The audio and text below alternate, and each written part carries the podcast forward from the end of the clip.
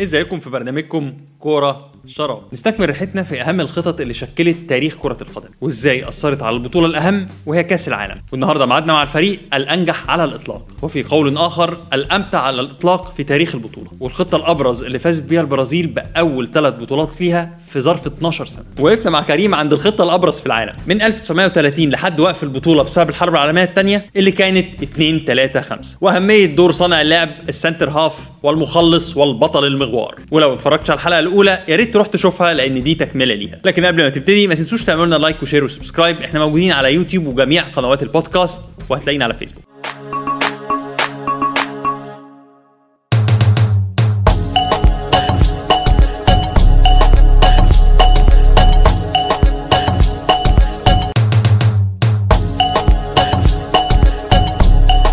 وبعد 12 سنة من آخر كأس عالم نرجع على بطولة 1950 إحنا النهارده العالم كله بيلعب بال WM ودي خطة ظهرت لأول مرة في منتصف العشرينات في إنجلترا على إيد هربرت شابمان وهي إن ببساطة إن الإنجليز رجعوا ال centre half بتاع الحلقة اللي فاتت رجعوه أكتر داخل الملعب عشان يبقى مدافع ثالث ويساهم في بناء الهجمة من تحت ويضيف صلابة دفاعية للفريق عشان الرسم الهندسي في الملعب بيكون هو 3 2 2 3 على شكل حروف WM باللغة اللاتينية. ولغاية دلوقتي هتلاقي المعلق الإنجليزي الإنجليزي بيقول على المدافع centre half ورغم إنه فعليا defender مش half. وعشان كده بنسمي المدافع اللي في القلب بالظهير الثالث أو ال third back أو في قول آخر ال third back لأن في الاصل مدافعين الاطراف أو الباكات كانوا هم المدافعين الوحيدين اللي في الملعب. وبعد كده جالهم واحد من نص الملعب سميناه مدافع ثالث وعشان كده برضو في الترقيم الكلاسيكي هتلاقي ان مدافعي الاطراف بيترقموا اثنين وثلاثه بعد الحارس. كانت فين بقى البرازيل من الكلام ده؟ الحقيقة ان البرازيل وصل لها الكوره في نفس التوقيت اللي وصلت فيه أمريكا اللاتينية. ولكن على الرغم من شعبيتها الكبيرة لسهولة ممارستها وقوانينها البسيطة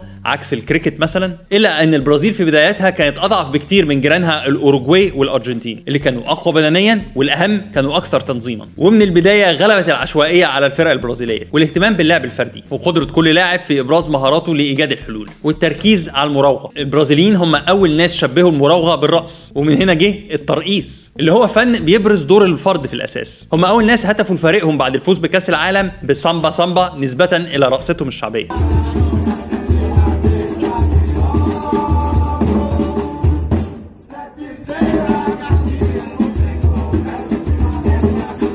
وهنا يجي دور المدرسة المجرية لفرض النظام ورسم الخطط للاستفادة من المهارة البرازيلية. وهي بقى المدرسة المجرية مهمة بقى في الكورة على كده؟ أمال دي ليها حلقة مخصوص. بس يكفي إن أقول لك إن كرة القدم اللي نشأت حوالين نهر الدانوب متمثلة في النمسا اللي اتكلمنا عليها في الحلقة اللي فاتت وتشيكوسلوفاكيا ومعاها المجر من أهم المدارس الكروية الحديثة. في أواخر الثلاثينات وصل إلى الأراضي البرازيلية اللاعب الدولي السابق والمدرب المجري الكبير إزدور كيرشنر أو كما هو معروف لدى البرازيليين بدوري كيرشنر. كيرشنر راح يدرب في البرازيل هربا من أوروبا اللي كانت على أبواب الحرب العالمية الثانية وهنا يطبق خطة ال WM بشكل صارم لأول مرة مع فريقه فلامينجو. ومن بعديه بوتافوجو واشتغل مستشار للفريق البرازيلي في كأس العالم 38 الخبير الأجنبي مش بس حط الخطة ولكن كان يمتلك كاريزما لتطبيقها والشغل على زيادة الفعاليه والوصول للمرمى لتسجيل الأهداف. كيرشنر ما كانش المجري الوحيد اللي درب في البرازيل ولكن المدرب الأسطوري بيلا جوتمان درب ساو باولو سنة 57 قبل ما يرجع البرتغال ويكسر الدنيا مع بنفيكا. وفي الأربعينات دخلت الفرق البرازيلية تعديلات جديدة على ال WM زي ما إحنا شايفين قدامنا في ال WM خط الوسط بيكون على شكل مربع. بس في البرازيل المربع ده تحول إلى معين أو diagonal من خلال تقديم لاعب في خطي النص وإرجاع لاعب تاني في خطين النص. ومع وصولنا لكأس العالم في البرازيل سنة 50 البلد المضيف كان المرشح الأبرز للفوز بالبطولة. فقبلها بسنة واحدة وبالتعديل الجديد على الخطة البرازيل اكتسحت كوبا أمريكا بعد ما سجلت 39 هدف في سبع ماتشات. وفي المباراة النهائية فازت البرازيل على الباراجواي 7-0 وفي كأس العالم كل الأمور مشيت كما خطط لها. منتخب البرازيل بيوصل للدور الثاني في البطولة اللي كانت عبارة عن دوري من دور واحد واكتسح خصومه الأوروبيين أسبانيا والسويد 6-1 و7-1 عشان يتبقى ليه مباراة واحدة بس قدام الأوروجواي الجار اللدود ومش محتاج منها غير التعادل. على الناحية الثانية الأوروجواي تعادلت مع أسبانيا وكسبت السويد بالعافية 3-2 بعد ما سجلت هدفين في آخر ربع ساعة. ثقة البرازيل في المكسب كانت غير محدودة صباح يوم المباراة النهائية. صحيفة أو موندو كان عنوانها الرئيسي مع نشر صورة للفريق البرازيلي هؤلاء هم أبطال العالم. استاد الماراكانا متقفل بأعلى عدد من الجماهير مسجل في التاريخ. العدد الرسمي للجماهير هو 173850 بني آدم. وفي الواقع عدد الجماهير تخطى ال 200000 وهنا حصل ما يعرف بالماراكاناتسو أو هزيمة الماراكانا المدوية. أكبر إحباط في تاريخ البرازيل. الصحافة شبهت الهزيمة بإلقاء القنبلة الذرية على هيروشيما. زيزينيو نجم الفريق ألقى باللوم على خطة الدبليو إم. اللي استخدمها الفريق لأول مرة في آخر أربع مباريات في المونديال. وده كان نوع من التحفظ بدلا من الدياجونال. وقال السويد وإسبانيا لعبوا بالدبليو إم وعشان كده غلبناهم. بس الأوروجواي لعبت بليبرو ورا المدافعين عشان تلعب بخطة 1 3 3 3 وبعد الخروج من مونديال 54 اكتشفت البرازيل المعادلة السحرية اللي بتسمح بتحرير لعيبة الهجوم من القيود التكتيكية. في خطة بتسمح بإبراز المهارات الفردية. وبشوية تعديلات على الدياجونال تحول خط الدفاع لأول مرة لأربع لعيبة في الخط الخلفي. ولاعبي وسط وأربعة قدام. جناح حر والجناح الثاني بيؤدي واجبات دفاعية عشان تتولد ال 4 2 4 مش مؤكد طبعا إن البرازيل أول فرقة تلعب ب 4 2 4 ولكن المؤكد إن البرازيل كانت الأكثر ابداعا من خلالها. جوناثان ويلسون بيقول في كتابه Inverting the Pyramid أو قلب الهرم إن الباراجواني سوليتش كان أول مدرب يطبقها مع فريقه فلامينجو سنة 55 ومع تواجد بيلا جوتمان بعدها مع سانتوس واستخدامه لنفس الخطة تم اعتمادها بكفاءة مع المنتخب. استعدادات المنتخب البرازيلي للمونديال السويد في 58 كانت الأفضل في تاريخ المنتخب. المسؤولين زاروا 25 موقع في السويد قبل ما يختاروا مقر الإقامة والتدريب. البعثة سافرت ومعاها طبيب وطبيب أسنان ومدرب وأمين صندوق وطبيب نفسي وطباخ ورقاصة و...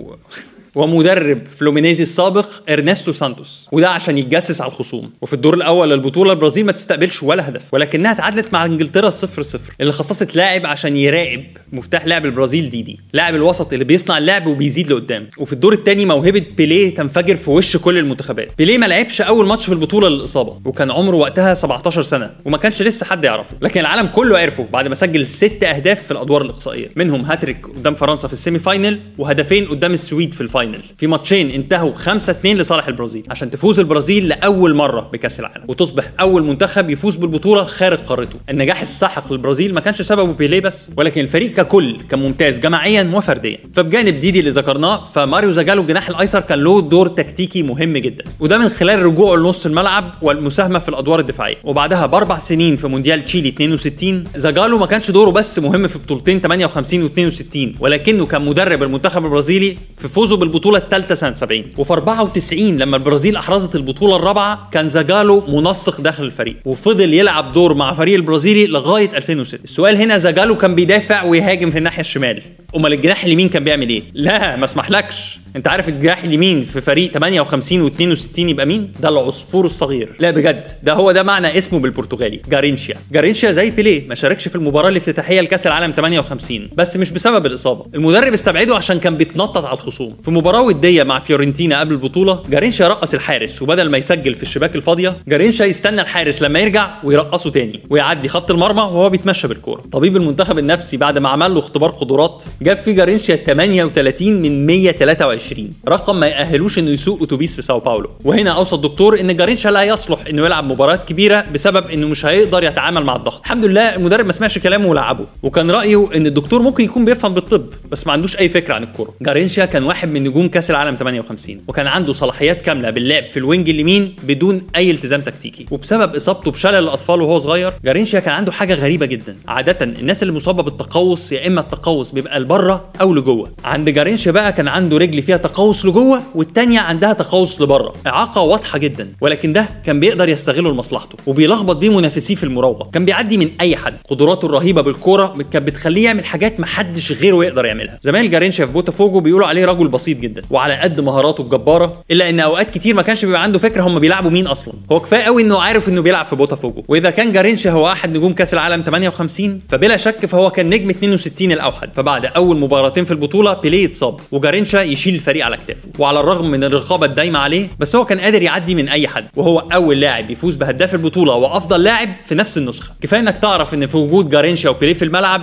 البرازيل عمرها ما خسرت. وفي الحقيقة جارينشيا عمره ما خسر مباراة مع البرازيل في ال 50 مباراة اللي لعبهم غير مباراته الأخيرة معاهم قدام المجر سنة 66 ومن السامبا البرازيلي إلى التانجو الأرجنتيني. وفي الحلقة الجاية كريم هيحكي لنا عن البلد اللي بتتنفس كورة. مرتين بخطتين في بطولتين ما لهمش علاقة ببعض. ما تنسوش تعملوا لنا like و share و subscribe إحنا موجودين على يوتيوب وجميع قنوات البودكاست. نستناكم في الحلقة الجاية وبرنامجكم كورة شراب.